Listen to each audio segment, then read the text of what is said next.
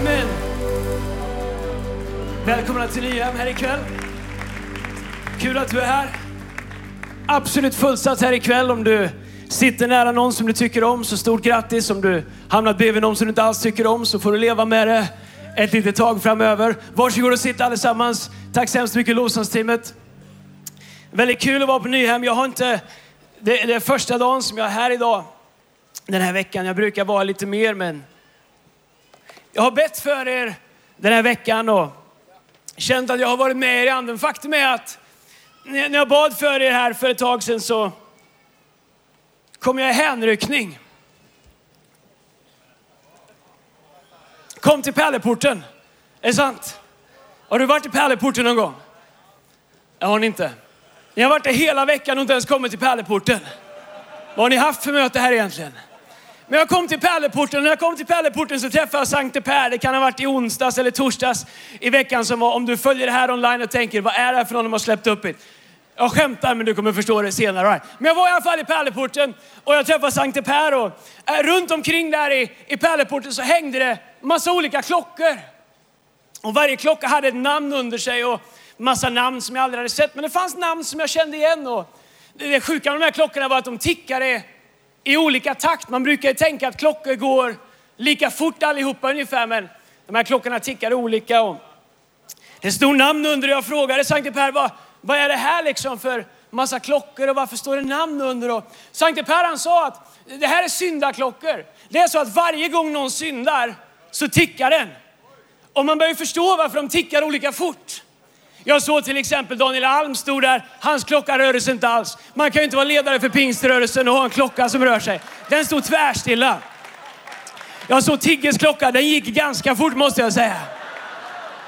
Jag såg Sebbe Staxes klocka, den rörde sig inte heller, den var helt stilla. Men jag tänkte Mats Särnholm, han måste ju ha en klocka.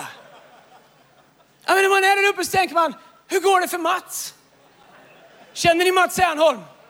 Pastor i Västra Frölunda Pingst. Jag frågar Sankte Per, var är Mats klocka? Innan jag kommer tillbaks till det vanliga, till jorden här och mitt vanliga liv, måste jag få veta hur det går för Mats. Och vi hittar inte hans klocka någonstans. Jag sa till Sankte Per, det kan ju aldrig vara så att han är så helig att han inte ens har en klocka. Nej, sa Sankte Per, alla har en klocka. Ja, men då måste du hitta den Sankte Per. Ja, vänta lite, sa Sankte Per. Låt mig gå runt och leta här. I min faders hus finns många rum och det här är bara ett utav dem. Så Sankte Per han försvann iväg en lång stund och tänkte undra hur fort Mats klocka går. Efter en lång stund kom han tillbaka, Sankte Per, och han sprang tillbaka och jag sa, hur gick det Sankte Per? Hur gick det? Hittade du någon klocka? Och han sa, ja absolut, jag hittade en klocka. Vart är den då? Ja, de har satt den som fläkt i köket, sa de. Nej, jag skämtar bara. Det är inte sant. Det var ett skämt. Så vi ska ha lite kul här ikväll, amen? Vi är ändå på Nyhem, det är semester, jag ser att ni har shorts på er en del och vi ska ha lite gött.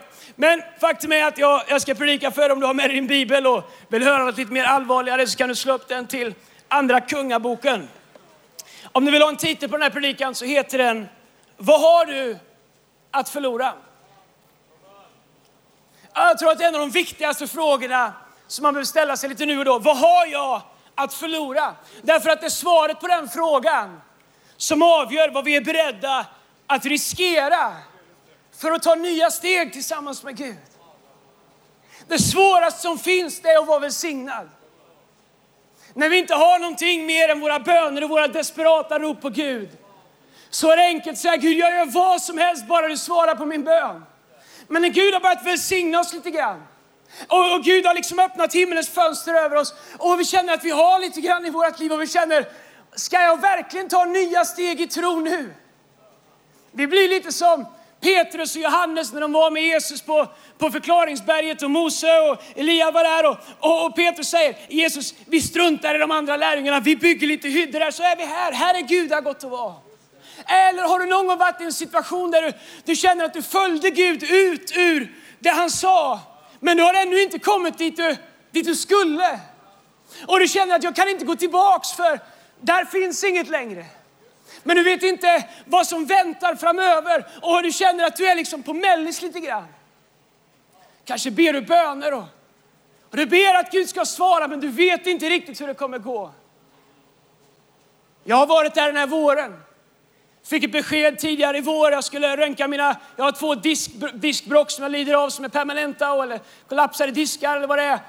Jag skulle in och kolla upp dem, jag har haft dem i många år. Och jag fick ett röntgenbesked, de sa Andreas, vi, vi har hittat en tumör på din nedersta kota. Och, och jag sa direkt, är det cancer i den? Och de sa, vi kan inte svara på det. Vi måste göra mera tester. Och, och, och som, som det är ibland i Sverige, jag fick driva på, vi fick trycka på. Och under flera, under flera veckor och månader faktiskt så, så bad jag till Gud och sa, Gud det kan inte vara cancer. Gud det kan inte vara så ah, ah att jag har drabbats av det här. Och även om jag försöker hålla min tro uppe, även om jag tror att Gud är en Gud som är mäktig och hela oss ifrån allting och, och jag tror att Gud alltid helar oss. Men jag tror att han gör det på olika sätt och en del har vi enklare för och en del har vi svårare med. Jag tror att Gud alltid helar alla våra sjukdomar. Han gör det på tre sätt. Han helar oss antingen genom skickliga läkares händer, tack Jesus för dem. Med inspirerad vishet ifrån skaparen själv. Han helar oss också genom mirakler. Vi ser att han gör det. Vi vet om att Gud kan göra ingripande i våra liv som vi inte kan förklara där han helar oss. Men ibland så helar han oss också genom att befordra oss upp till himlen. Ibland kan vi tycka att det är alldeles för tidigt därför att vi ser bara här och nu och vi tycker att det är en förlust för jordelivet. Och sorgen kan vara stor och saknaden stor. Men jag tror ingen som har kommit upp till himlen känner att det var en förlust för deras del. Det är bara att den sortens helande har vi ibland svårare att förhålla oss till. Så jag tror att Gud alltid helar oss på ena eller andra sättet. Jag bad till Gud, Gud, du måste ta bort den här tumören. Jag sa den till så många, jag sa det till min pastor Brian och till min fru Lina och Erik och någon till. Och även om jag försökte hålla skenet uppe så under flera nätter så, när man inte kunde sova så låg jag och funderade på vad, vad ska hända nu? Hur ska det gå med huset vi precis har renoverat klart? Och, och om det vill sig illa, vad ska Lina göra? Hur ska det gå med barnen? Och vem ska ta hand om kyrkan? Och, ni vet hur det kan vara på nätterna när man låter tankarna skena iväg. Och beskedet till mig var tidigt att, att jag inte skulle oroa mig och att det förmodligen inte var någon fara. Men du vet hur nattens timmar kan få en att dra iväg även när man väntar på besked. Tack Jesus för några veckor sedan så fick jag beskedet att det inte finns någon cancer i min tumör. Och, men under resan från, ja, det, jag säger det med stor respekt för människor som har fått andra beslut. Det var också därför som det är viktigt för mig att berätta att jag tror att Gud alltid helar oss. Och vi förstår inte alltid hur och vi är ödmjukt tacksamma för att det ändå finns en Gud som har sett till oss i all evighet. Men vad gör man medan man väntar? Och vad gör man när man känner att man har så mycket att förlora men inte riktigt vet hur man ska vinna? I andra kungaboken så kan vi läsa om fyra män som är spetälska. Jag ska predika ikväll som det vore söndag kväll hemma i Hillsong. Och like it or not, jag ska åka hem direkt efter det här och om inte det här blir bra så kommer Sebbe Staxet och räddar upp det klockan 10 har han lovat. Men det finns en berättelse i Andra Kungaboken kapitel 7 som går så här, vers 3. Utanför stadsporten uppehöll sig fyra spetälska män. Varför gör de biblar med så liten text i? Vad händer något man fyller 40 som gör att någon håller på att flytta bokstäverna hela tiden? Men jag ska lära dig ett trick i hur man ställer in skärpan utan att folk ser att du behöver läsglasögon. Om du har mobil eller någonting. Det man inte vill göra det är att stå så här. Det du vill göra det är att du vill börja lite coolt här nere bara. Så sveper du bara upp så här tills skärpan kommer. Du kan göra det med mobilen, du kan göra det med bibeln, du kan göra det med vad som helst. Och ingen kommer se att du egentligen borde ha läsglasögon. Utanför stadsporten uppehöll sig fyra spetälska män. De sa till varandra, varför stanna här tills vi dör? Om vi bestämmer oss för att gå in i staden eh, medan där nu är svält så kommer vi att dö där. Du förstår, de satt i porten till en, till en stad och eh, äh, staden, staden var i, i, krig under belägring och äh, inne i staden så var det svält. När man var spetälsk var det ofta tufft på den tiden därför att man var ofta förpassad till olika områden. Ofta satt man i stadsportar där man kunde tigga av människor som gick förbi. Att vara spetälsk var speciellt bökigt. Därför att man var inte bara sjuk, man var också klassad som oren. Och, uh, man, ibland så fick man till och med gå med stora bjällror och ringa där man kom och ropa oren, oren. Spetälskan var en hemsk sjukdom. Den gjorde att köttet på kroppen började ruttna, att vävnaden började ruttna och kroppsdelar kunde falla av. Och de sitter här i porten och de tänker, om vi stannar här så kommer vi att dö. Och, och de säger om vi går in i staden så kommer vi dö för där inne svälter folk redan ihjäl. Så säger de så låt oss gå över till arameernas läger. Alltså de som var, de som var utanför porten. De som hade, hade, de, de låg i krig emot. Låter de oss leva så får vi leva och dödar de oss så låt oss dö. I arameernas läger så fanns det resurser, det fanns det mat, det fanns det rikedomar. I skymningen steg de upp och gick in i arameernas läger. Men när de kom till utkanten av lägret så fanns där inte en människa. Herren hade nämligen låtit höras ett dån av vagnar och, häst, och hästar. Ett dån som av en stor här. Och de hade sagt till varandra, Israels kung har säkert lejt till titernas kungar och Egypternas kungar för att överfalla oss. Därför hade de brutit upp och flytt in i skymningen och hade övergett sina tält, sina hästar, sina åsnor. Och de hade övergett lägret sådant det stod och flytt för att rädda sina liv. När de spetälska kom till utkanten av lägret gick de in i ett tält och åt och drack och de tog silver och guld och kläder och gick bort och gömde det. Sedan vände de tillbaka till ett annat tält och tog vad som fanns där och gick bort och gömde det. Men därefter sa de till varandra, vi gör inte rätt. Idag kan vi komma med goda nyheter. Men om vi tiger nu och väntar tills imorgon drar vi skuld över oss. Kom så går vi och berättar om det här i kungens hus. Det som händer de här männen, det är att de sitter i stadsporten och bara tröttnar på att sitta där de sitter. De är på en plats där de vet att här finns ingen framtid. Men de vet att vi kan inte gå tillbaks där vi kommer ifrån. Kanske du är här idag och du har kommit hit idag och där du kommer ifrån är ingen plats du kan gå tillbaks till. Kanske är du här idag och ditt äktenskap är i gungning och du säger det finns ingen väg tillbaks. Men jag vet inte om det finns en väg framåt. Den här berättelsen är så fascinerande därför att det talas om välsignelsen i det okända. Om en Gud som är trofast även i det som vi ännu inte vet. Och de sitter där i porten och de säger till varandra, vi har inget att vinna på att sitta kvar här, här dör vi. Vi kan inte gå in i staden, där svälter vi ihjäl. Och om vi går in i arameernas läger så kanske vi inte klarar oss, men det finns åtminstone en chans. En dag så tittade de på varandra och sa, finns det någonting mer än att sitta här i porten? Finns det någonting mer än att sitta här och vänta? Det finns två frågor som kommer förändra din framtid. De två viktigaste frågorna du kan ställa om din framtid. Den första är, finns det något mer? Alltså en fråga av att Gud, det måste finnas någonting mer. Eller är det samma sak år ut och år in? 48 veckors hårt jobb som en vecka på Malli ska rädda. Och så regnar det på den veckan. Du säger Gud, vart är du? Eller Öland, Löttorp, Böda, vart ni åker. Nyhem. Den andra frågan, efter du har frågat om det finns något mer, som du behöver ställa dig det är, vad ska jag göra åt det? Det är det de här männen gör. De börjar ställa sig frågan till varandra, finns det någonting mer än att sitta här och svälta ihjäl? Och om det finns det, vad ska vi göra åt det? Så bestämmer de sig för att göra någonting som egentligen är helt omöjligt. Men faktum är att om du vill ha någonting som du aldrig har haft, så måste du vara beredd att göra någonting som du aldrig har gjort. Om du gör samma sak som du alltid har gjort så kommer du få samma sak som du alltid har fått. Höjden av idioti är att göra samma sak som man alltid har gjort och hoppas att man ska få något annat.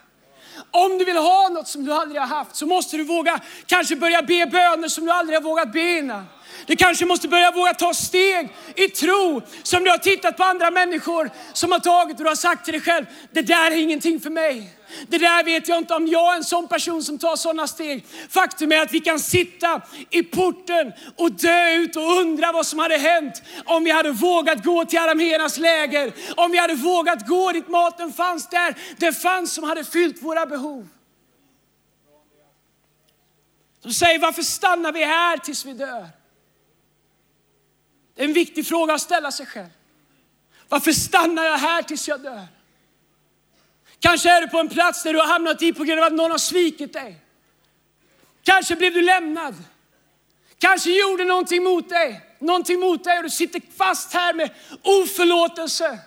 Och du känner, det var inte mitt fel att jag har hamnat här. Det är inte mitt fel att jag har hamnat här. Men du måste ändå till slut ställa dig frågan, varför är du kvar här? Att inte förlåta någon, det är som att dricka gift och hoppas att de ska dö. Att förlåta någon är att sätta sig själv fri.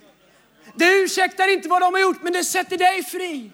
Vad är du beredd att göra för att få någonting som du egentligen har längtat efter? Varför har du satt dig ner där du sitter? Varför sitter du i ett äktenskap som inte har funkat många år istället för att säga Gud, kan du göra någonting i mitt hjärta? Gud, kan du göra någonting i våra hjärtan? Varför är du på en plats där du inte borde vara? Istället för att säga till dig själv, finns det någonting mer? De här människorna de satt på en plats där de var trötta på att sitta.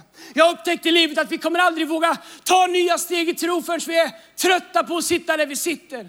Det, det märker vi människor fungerar. När, när allting nästan är kört, då är man beredd att göra allting. Jag har suttit i så många samtal med par som ligger på gränsen till skilsmässa. Och den ena eller andra parten som inte varit beredd att förändras det minsta lilla. När det är helt plötsligt är skarpt läge, då är man beredd att förändra allting på en gång. Varför var man inte beredd att göra en liten förändring långt mycket tidigare?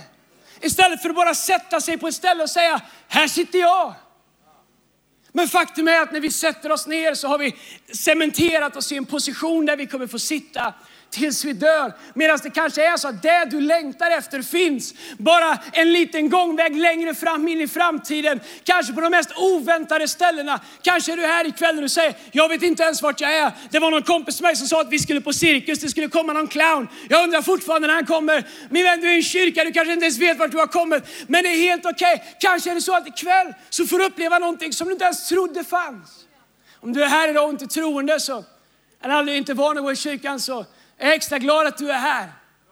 Jag vill att du ska veta att den Gud som vi tror på, han älskar alla människor. Exakt lika mycket. Det är inte vem du tror att Gud är som avgör om Gud älskar dig.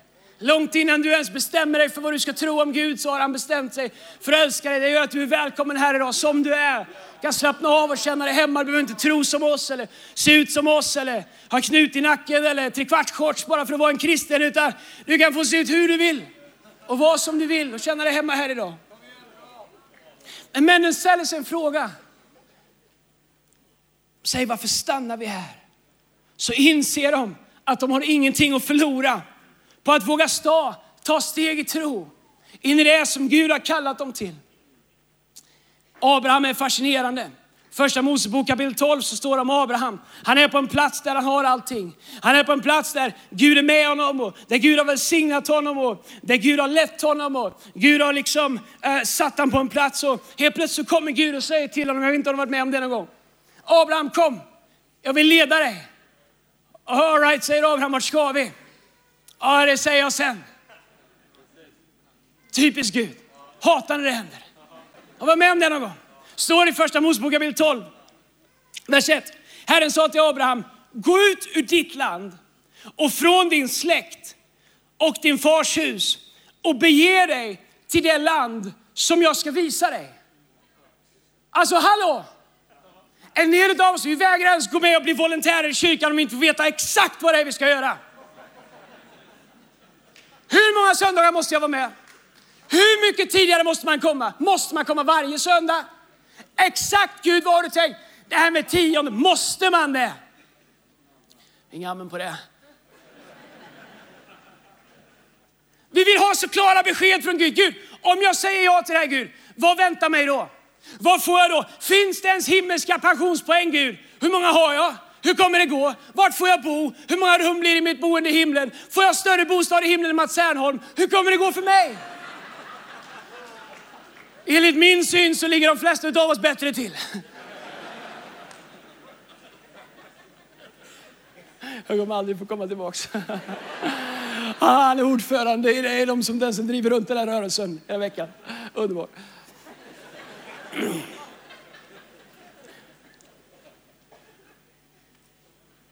Men Gud säger till Abraham, kom och följ mig.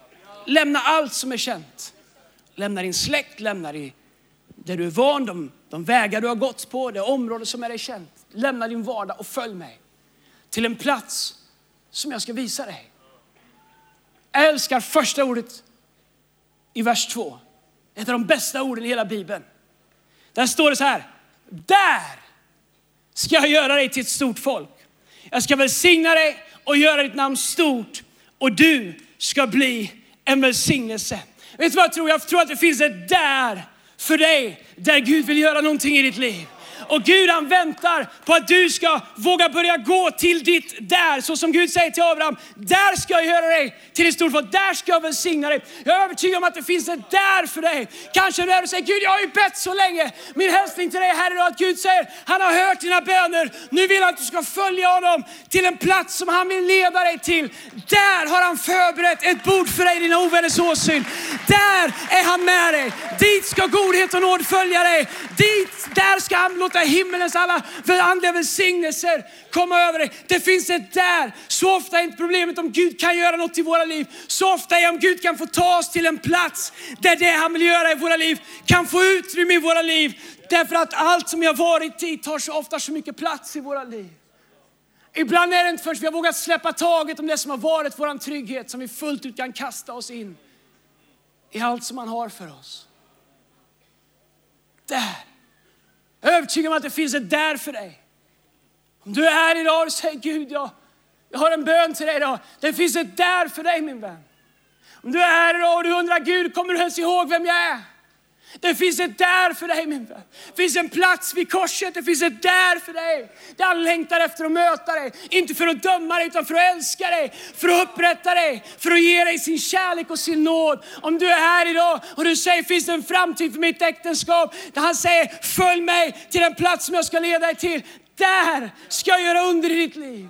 Det finns ett där för dig. När Israels folk kommer ut ur Egypten så, så leder Gud dem genom öknen en kort vandring till löfteslandet. Där Gud har förberett ett land åt dem som flödar över av mjölk och honung. Det betyder inte att de gick runt så här och fastnade med fötterna i honung. Jag läste, jag hörde det när jag växte upp, jag fattade inte vem vill bo i ett land av honung. Fy vad kladdigt det är. Har du någon gång ens spillt honung i köket? Det går inte att få bort. Som mjölk så här. I en svensk bibel så är det mellanmjölk, liksom, så här lagom mjölk är det som man, som man ska gå runt i. Det. det är inte det, det är en bild på att det är ett land av överflöd, av godhet, av välsignelser av Herrens godhet, av hans närvaro. Och Gud leder sitt folk ut ur slaveriet där de har varit i 400 år. De har sjungit om det, de har drömt om det, de har bett om det. De har suttit i porten där och sagt, Gud finns det någonting mer? Där finns det, säger Gud. Och så sänder han Mose till dem. Och när Mose leder dem ut ur Egypten, genom öknen, fram till löfteslandet, där Gud har förberett en plats för dem, så skickar de in Kaleb och Josua och tio andra spejare. Tio spejare säger, det går inte. Nej, det är för svårt. De är för stora, vi är för små, det är omöjligt. Så börjar de till och med förbanna platsen där Gud har förberett för sitt folk att bo. Men Kaleb och Josua, Bibeln säger att de har en annan ande betyder inte att de är större och starkare eller bättre människor. De har bara en annan ande. Vad betyder det? Det betyder att de har ett annat perspektiv. De ser verkligheten genom ett annat slags perspektiv. Jättarna var inte mindre i deras ögon. Det var bara att Gud var större i deras ögon. Utmaningen var inte mindre i deras ögon. Det var bara att Gud var större i deras ögon. Bibeln säger att de hade en annan ande. Och, han, och de säger till Mose, kom igen, vi kan ta det. Gud är med oss. Här ska Gud välsigna oss. Men de tio spejarna lyckas övertala Mose och hela nationen att inte gå in på den plats där Gud hade förberett. Så en hel generation dör på mellanhand i öknen. Var har du satt dig ner någonstans i livet? Har du satt dig precis innan ditt löftesland? Har du satt dig, kanske Gud tog dig ut ur det du bad honom om, men har du satt dig ner? Och aldrig vågat gå in fullt i det som Gud har för dig? Det som Gud har lockat på dig om. Som du kanske har slått ner hälarna i backen för att hålla emot inför. Så känns det som dina böner inte längre når fram. Min vän, det är inte dina böner det är fel på, det är inte Gud det är fel på. Det är bara att du är kvar på en plats som Gud har försökt leda dig vidare ifrån. Kanske den platsen var rätt då, men nu försöker Gud leda dig till en plats där han vill välsigna dig nu i livet. Finns det någonting mer? Vad är du beredd att göra åt det i ditt liv? Det finns ett där för varje säsong i ditt liv. Jag är så överväldigad över Guds nåd.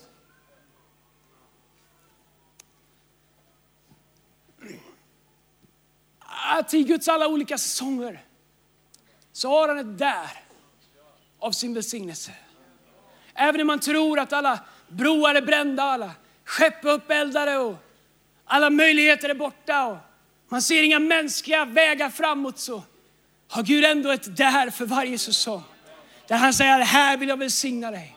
Här vill jag använda dig. Här vill jag upprätta dig. Här vill jag lyfta upp dig. Här vill jag visa dig min nåd. Här vill jag visa dig min godhet. Här vill jag visa mig din kärlek. Här vill jag låta min heliga Ande fylla dig på nytt. Här vill jag låta dig känna min kraft. Här vill jag använda de gåvor jag har lagt i ditt liv. Det finns ingen säsong i ditt liv när Gud inte vill använda dig. Du kanske har diskvalificerat dig själv, men Gud har aldrig diskvalificerat dig själv. Du kanske har lyssnat på människor som har sagt att du har gjort det alldeles för svårt. Bibeln säger att han ångrar aldrig sina gåvor. Han säger att om någon kommer till Jesus så kommer han sannerligen inte stöta bort dem. Gud har inte lett dig ända hit bara för att överge dig, utan tvärtom säger han att han som har startat ett gott verk i dig, han är rättfärdig och trofast och fullbordar det in till Kristi dag. Gud ger aldrig upp på dig. Han, överlämnar, han, han överger dig aldrig, han lämnar dig aldrig. Så varför har du satt dig ner min vän? Kanske du är oss som är lite äldre. Och ju äldre jag blir, ju äldre blir lite äldre. Om ni förstår vad jag menar. Kanske har du sagt, nej men det här med kyrka och grejer, det är för unga människor. Jag vet inte vilken bibel du läser, men det finns inget om det i bibeln. Talar om gamla människor, om träd som bär sin frukt i sin tid, vars löv aldrig vissnar. Människor som är planterade vid vattenbäckar, som blomstrar av Guds godhet, som låter sig användas av Gud. Det finns inget bäst före-datum på att bli använd av Gud. Det är inget, det, det, it's not a young man's game. Gud har ingen förkärlek till unga människor med, med liksom hippa kläder. Eller med, med liksom, Gud använder dem som vill bli använda. Faktum är att det spelar ingen roll om du är ung eller gammal, för Gud har en unik plan för dig. Han säger att han ska leda dig där du går, bedjande fram, inte där du sitter och undrar om det finns någonting kvar. Kanske du är, du är i mörker. Bibeln säger att han vill, och han säger om, psalm 23, om du än vandrar i dödsskuggans dal. Så problemet med dödsskuggan är att den är inte så farlig som du tror, så länge du fortsätter att gå igenom den. Problemet är när vi sätter oss ner i dödsskuggan och cementerar oss på en plats som Gud har lovat att leda oss igenom. Men frågar sig, varför har vi stannat här?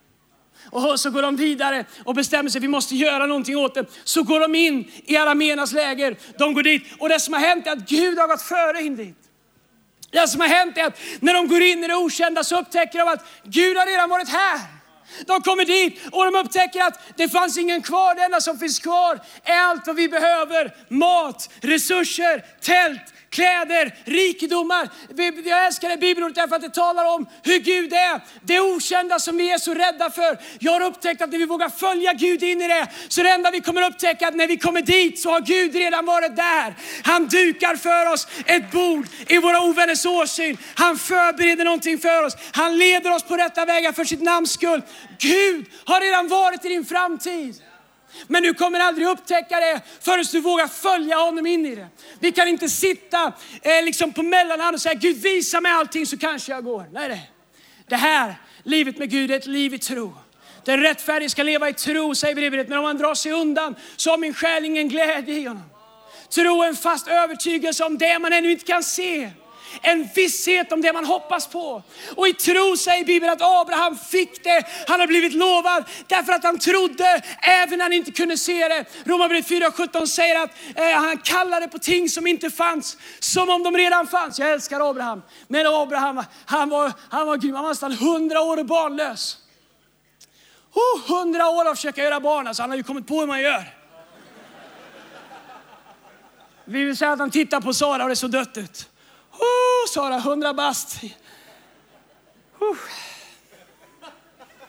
Gud säger, come on Abraham. Yes, stretcha nu, nu är det fredag igen, jag har lovat dig en son. Abraham, plocka kulor.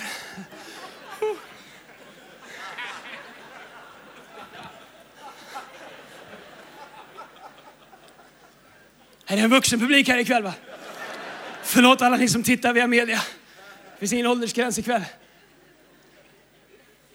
Så får han inga barn. Så säger Gud till Abraham, och han heter Abraham, betyder barnlös. Hur kul är det att heta barnlös när man är nästan hundra år och inte har några barn?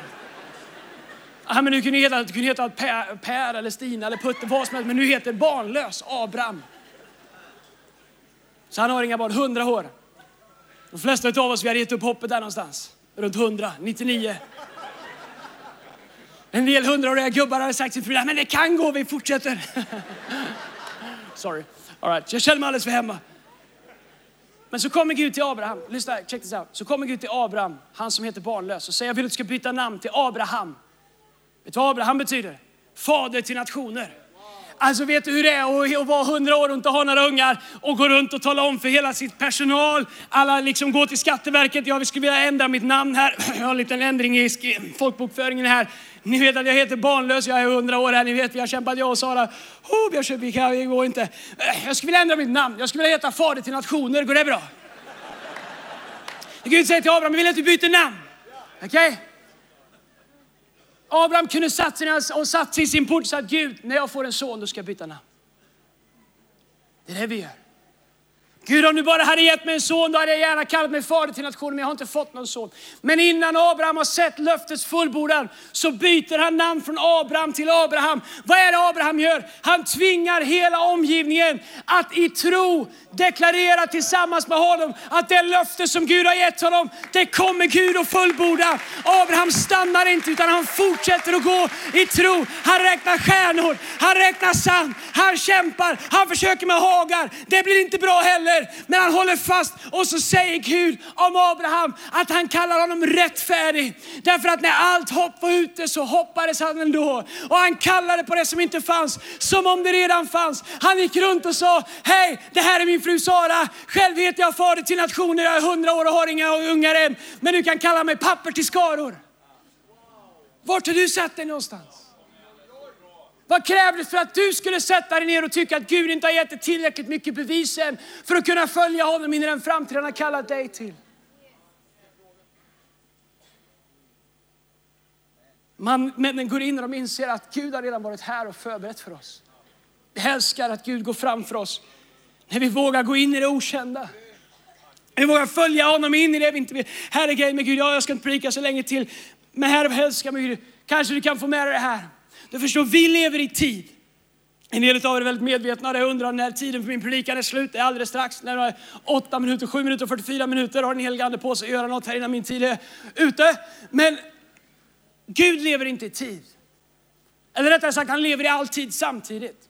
Det är det som är så utmanande för oss när vi ber, när vi försöker följa Gud. Vi lever här i tid. Vi kan se den tid som har varit. Men vi vet inget om den tid som kommer.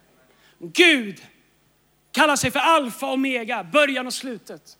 Men han kallar sig samtidigt för evighetens fader. Han säger att han är från evighet till evighet. Det betyder att han har ingen början och har inget slut. Och så säger Bibeln att han är allestädes närvarande, att han är överallt samtidigt, att han är i all tid samtidigt. Det innebär att Gud är med dig här idag på Nyhemsveckan. Gud var med dig och är, är fortfarande i ditt förflutna. Du undrar, hur kan Gud ha förlåtit mitt förflutna? Därför att han är fortfarande där och håller sina händer över det. Han gömmer våran synd under sina vingar. Han överskuggar med sin rättfärdighet. Men här är grejen, Gud är inte bara med oss här, han är redan också i våran framtid. Så när Gud talar om våran framtid så är det inte som för oss, det vi tänker, undrar om det kan vara så, det, det verkar stort, det verkar svårt. För Gud, han talar ifrån någonting som i hans värld redan existerar. Jag talar inte om någon predestination eller kalvanism, utan jag talar om att Gud, för honom är igår, idag och all evighet samma sak. Så när Gud talar om vår framtid så är det som när han ber Abraham byta namn från Abraham till Abraham. För Gud är det som att miraklet redan har skett, även om det väntar i framtiden. Så han talar ifrån vår framtid till där vi är nu. Det är därför vi kan sätta vårt hopp till honom. Därför att han är en far som redan har gått före oss in i vår framtid. Han leder oss på rätta vägar. Han förbereder för oss ett bord. Han har dukat åt oss. Han har gått före oss. Han har öppnat en ny och levande väg in till Fadern så att vi frimodigt kan komma inför Fadern med en barnaskapens ande och ropa Abba Fader och veta att vi är rättfärdiggjorda genom Kristus Jesus, genom hans gåva. Det är därifrån Gud talar in i ditt liv när han säger, res dig upp från din port som du har satt dig ner och kom och följ mig in i den framtid som jag har för dig. Här sista verserna i det här bibelordet. Pianisten kan komma fram och lägga sina heliga ande-ackord så det känns andligt på slutet här när jag ska landa det här. Ska känna när päden kommer på då. Predikan kan vara hur dålig som helst men har man bara en bra pianist så går det att rädda upp allt på slutet. Det räcker med pianisten än så länge. Många pianister här.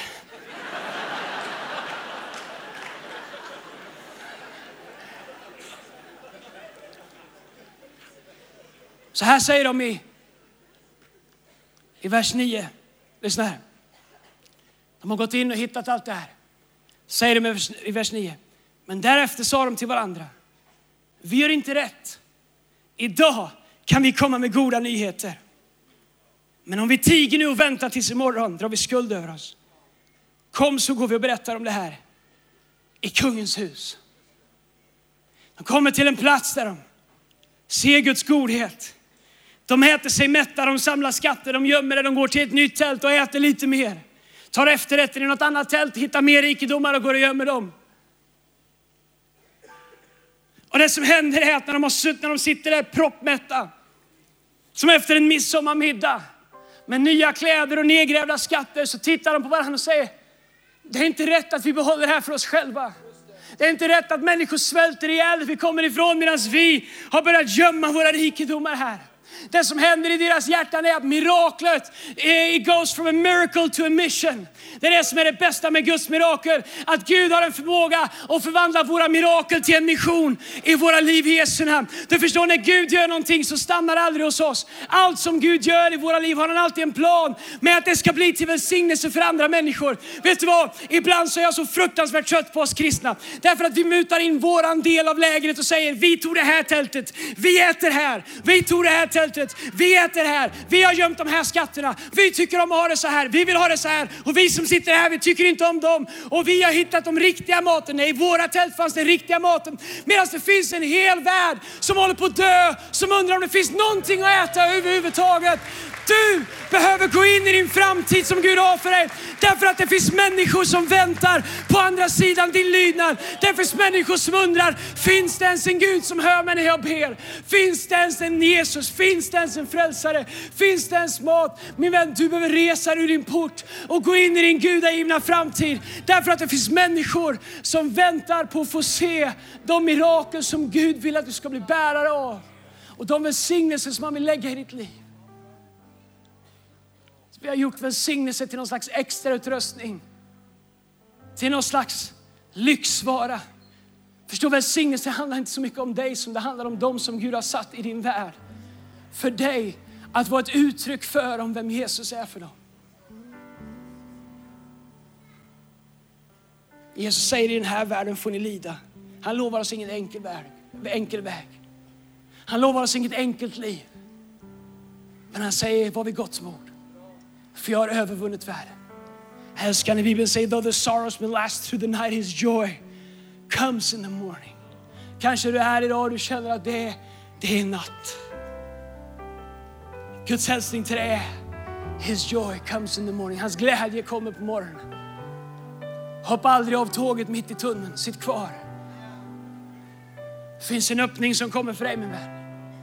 Gud har förberett Gud har förberett för dig min vän. Kanske kom du hit idag och du visste inte ens varför du kom hit. Du är här idag därför att Gud vill ta dig i handen, han vill resa dig upp ur, oavsett vad du har satt dig ner i livet. Och han, han lockar dig, han kallar dig. Han säger kom och följ mig till den plats som jag ska visa dig. Där ska jag välsigna dig. Där ska jag svara på dina böner. Där ska jag låta min heliga Ande fylla dig på nytt. Där ska jag låta på nytt dig få uppleva din frälsningsglädje. Och du som har kommit hit idag som en gång hade en tro som säger Gud, finns det ens kvar någonting mellan oss? Guds hälsning till dig är, res upp på nytt. Börja följa honom igen. Låt honom leda dig till en plats. Där ska du få känna hans kärlek. Där ska du få känna hans nåd. Du som är här idag som bär på sjukdomar och säger Gud, finns Finns det en plan för mitt liv? Finns det en framtid? Jag vet inte vart din framtid är. Jag vet bara vem som håller din framtid. Han heter Jesus Kristus. Han har sagt att han inte lämnar dig. Han har sagt om så tusen lämnar dig, om så tiotusen lämnar dig, så kommer han aldrig lämna dig. du som är här som säger, jag har svikit Gud. Finns det någonting kvar för mig?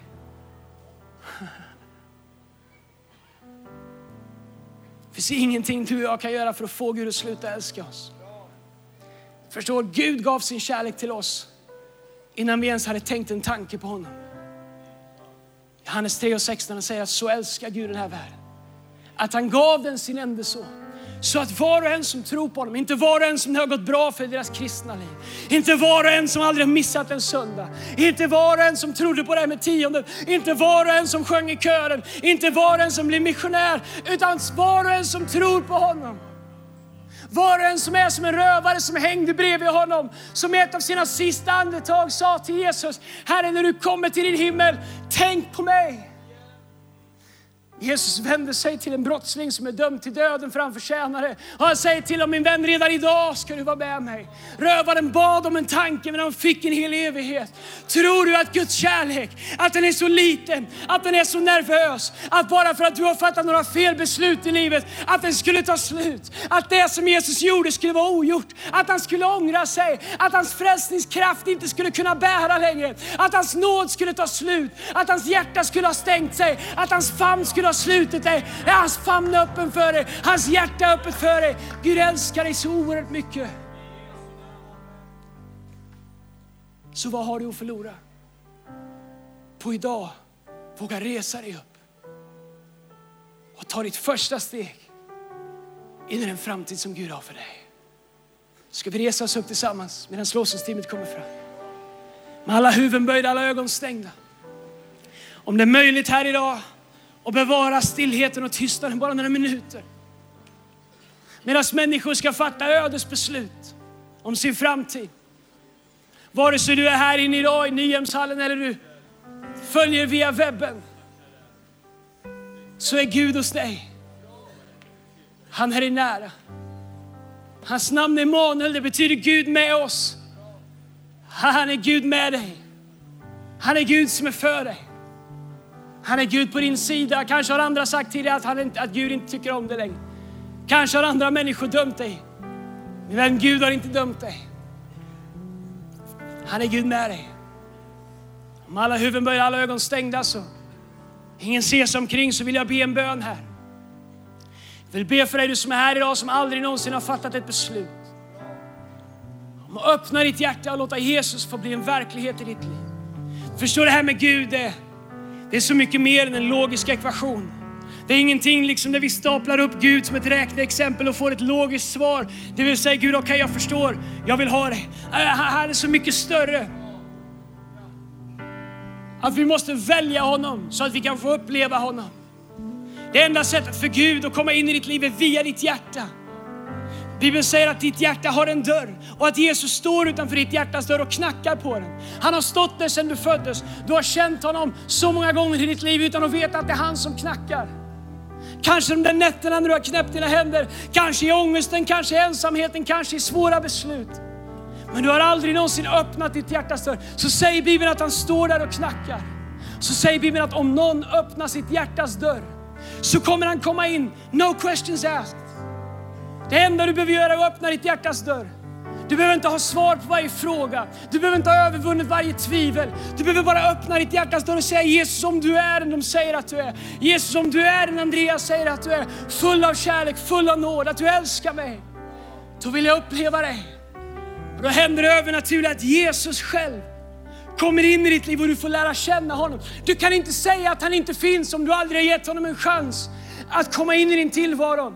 Du kan inte säga att han inte är en verklighet om du aldrig en gång i livet har sagt Jesus, kom in i mitt liv, jag vill lära känna dig. Här ikväll med alla huvuden böjda, alla ögon stängda så vill jag be för människor som säger Andreas om det är sant. Du vill lära känna Jesus ikväll. Jag ber inte dig gå med i en kyrka, jag ber inte dig bli som någon annan. Jag frågar bara, vill du lära känna den största kärleken som finns. Vill du för första gången i livet uppleva villkorslös kärlek? Vill du få en nåd och en frid som övergår allt vad vi kan förstå?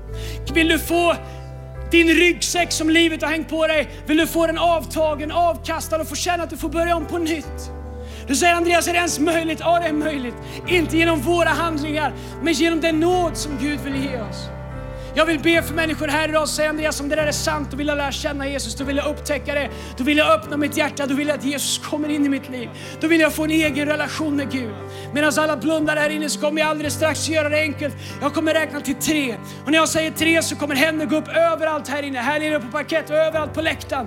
Så kommer människor lyfta sina händer och säger Andreas, när du ber, tänk på mig. Jag vill lära känna Jesus. Inte än, men alldeles strax. Och när du lyfter din hand så, jag kommer inte peka ut dig, jag kommer inte be dig komma fram fram, jag kommer inte exponera dig. Jag kommer bara be för dig där du står. Men jag vill veta vem jag ber för. Så jag kommer alldeles strax be dig lyfta din hand. Oroa dig inte, du kommer inte vara den enda. Utan händer kommer gå upp överallt här. Men du blundar och du fattar ditt beslut med Jesus. Men innan vi gör det så vill jag också bjuda in en andra kategori av människor här ikväll. Jag vill bjuda in dig att vara med och be med oss som är här idag, som en gång har haft en levande relation med Jesus. Kanske har du kvar din tro. Men om du är ärlig här idag så har du tappat bort din relation med Gud. Det finns ingen relation kvar längre. Kanske ber du ibland, kanske sjunger du ibland. Kanske går du på möten. Men det där som en gång levde, det där som en gång brann, det där som en gång var på riktigt, det är inte kvar längre. Du har tappat bort din relation. Men Jesus älskar dig. Och här idag så vill jag utmana dig att fatta ett beslut om att få en ny start i din relation med Jesus. Kom hem Starta om din relation med Jesus. Det enda som står i vägen mellan dig och det beslutet idag skulle möjligtvis kunna vara stolthet. Men vem bryr sig om det när du kan få chansen att få uppleva hans nåd igen. Få en ny start, få ta honom i handen, resa dig upp från där du har satt dig och följa honom in i den framtid som han har för dig. Här idag så vill jag be för dig med alla huvuden och ögon stängda. Om du för första gången vill lära känna Jesus här inne idag och få en egen relation med honom. Eller du säger Andreas, när du ber, tänk på mig. Jag behöver få ett nytt möte med Jesus. Jag behöver komma tillbaka och starta om min relation på, på nytt med Jesus. Jag har varit borta ifrån Gud. Då vill jag att när jag säger tre att du lyfter din hand. Är ni redo överallt här inne? Bryr dig inte om vad någon annan gör. Bara du och Gud här ikväll. Lyft upp din hand när jag säger tre. Om du säger Andreas, tänk på mig när du ber. Inkludera mig i den här bönen. Är du redo? Here we go. Allihopa tillsammans. Ett, två, tre. Lyft upp din hand just när de säger, säger Andreas, det är jag. Kom bara lyft upp era händer överallt. Händer går upp överallt. Alla huvuden böjda, alla ögon stängda. Låt det här vara mellan människor och Gud. Lyft upp din hand som ett tecken till Gud att jag tar dig i handen ikväll Gud.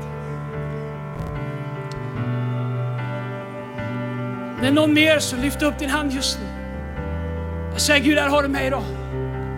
Det finns ingen som kan göra för dig vad Jesus gör. Om du tittar på det här via webben så kan du där du är hemma bara lyfta upp din hand till Gud som ett tecken på att du kommer hem ikväll. Ni som har lyft era händer, ni kan ta ner dem så ska jag be tillsammans med allesammans här. Jag skulle vilja att hela kyrkan ber den här bönen efter mig.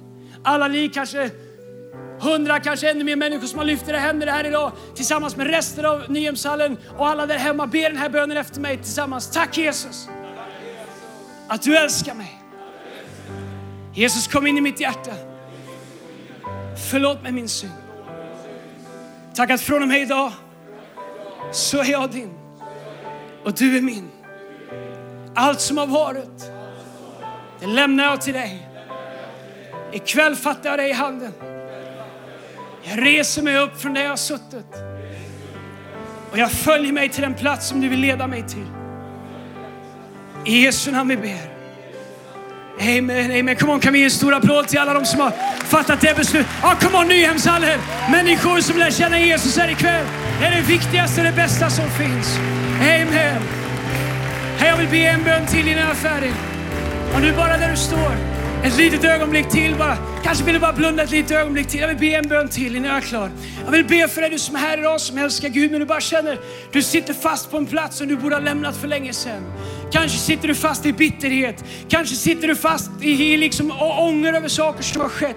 Kanske sitter du fast i besvikelse. Kanske sitter du fast i avfällighet. Kanske sitter du fast i oförlåtelse. Kanske sitter du fast i, I don't know, sjukdom. Kanske sitter du fast i ett äktenskap som inte fungerar. Jag vet inte vart du sitter i livet. Jag vet bara det som Gud har lagt mig mitt hjärta är att be för människor ikväll. Som, som de här fyra männen säger, om jag sitter kvar här så dör jag. Här ikväll är du mer hungrig på att få någonting som du inte ens kanske vet vad det är, än vad du vill sitta kvar i det som du alltid har haft. Om det finns någon här inne med tillräckligt mycket tro eller tillräckligt mycket mod för att säga, jag vet inte vad framtiden innehåller, men jag vet vem som håller min framtid. Här idag så vill jag göra som männen gjorde. Jag vill resa mig upp. Oavsett vilket område det representerar i ditt liv så vill jag be för dig. Om du är här idag och säger Andreas, den här predikan var till mig. Lyft upp din hand där du står ska jag be för dig där du står i Jesu namn. Bara lyft upp din hand till Gud just nu där du står. Oavsett vad du representerar i ditt liv. Kom och lyft upp, håll dem uppe till Gud ska vi be tillsammans. Fader i Jesu Kristi Nazarens namn. Herre, jag tackar dig för ditt ord här ikväll. Herre, jag ber att du skulle låta din helige Ande göra det bara du kan göra. Herre, allt jag har är ord. Helige Ande, allt du har är kraft. Jag ber att du i den helige Andes kraft skulle lyfta upp människor. Herre, till och med omöjliga omständigheter. Herre, jag ber för sjukdom. Jag talar ut helande över de som är sjuka. Herre, jag säger frid till de som lever i ångest, i mörker. Herre, jag ber om din glädje för de som sitter fast i depression, Herre. Herre, jag ber att du skulle ge kraft och mod till människor och våga förlåta människor. Våga släppa taget om det förflutna och våga resa sig upp med ett nytt sinne, förnyade i Kristus. I Jesu namn vi ber och hela kyrkan sa Amen, amen. Kom on, kan vi ge Jesus en stor applåd? Tacka honom och sjunga tillsammans. Gud välsigne er allihopa.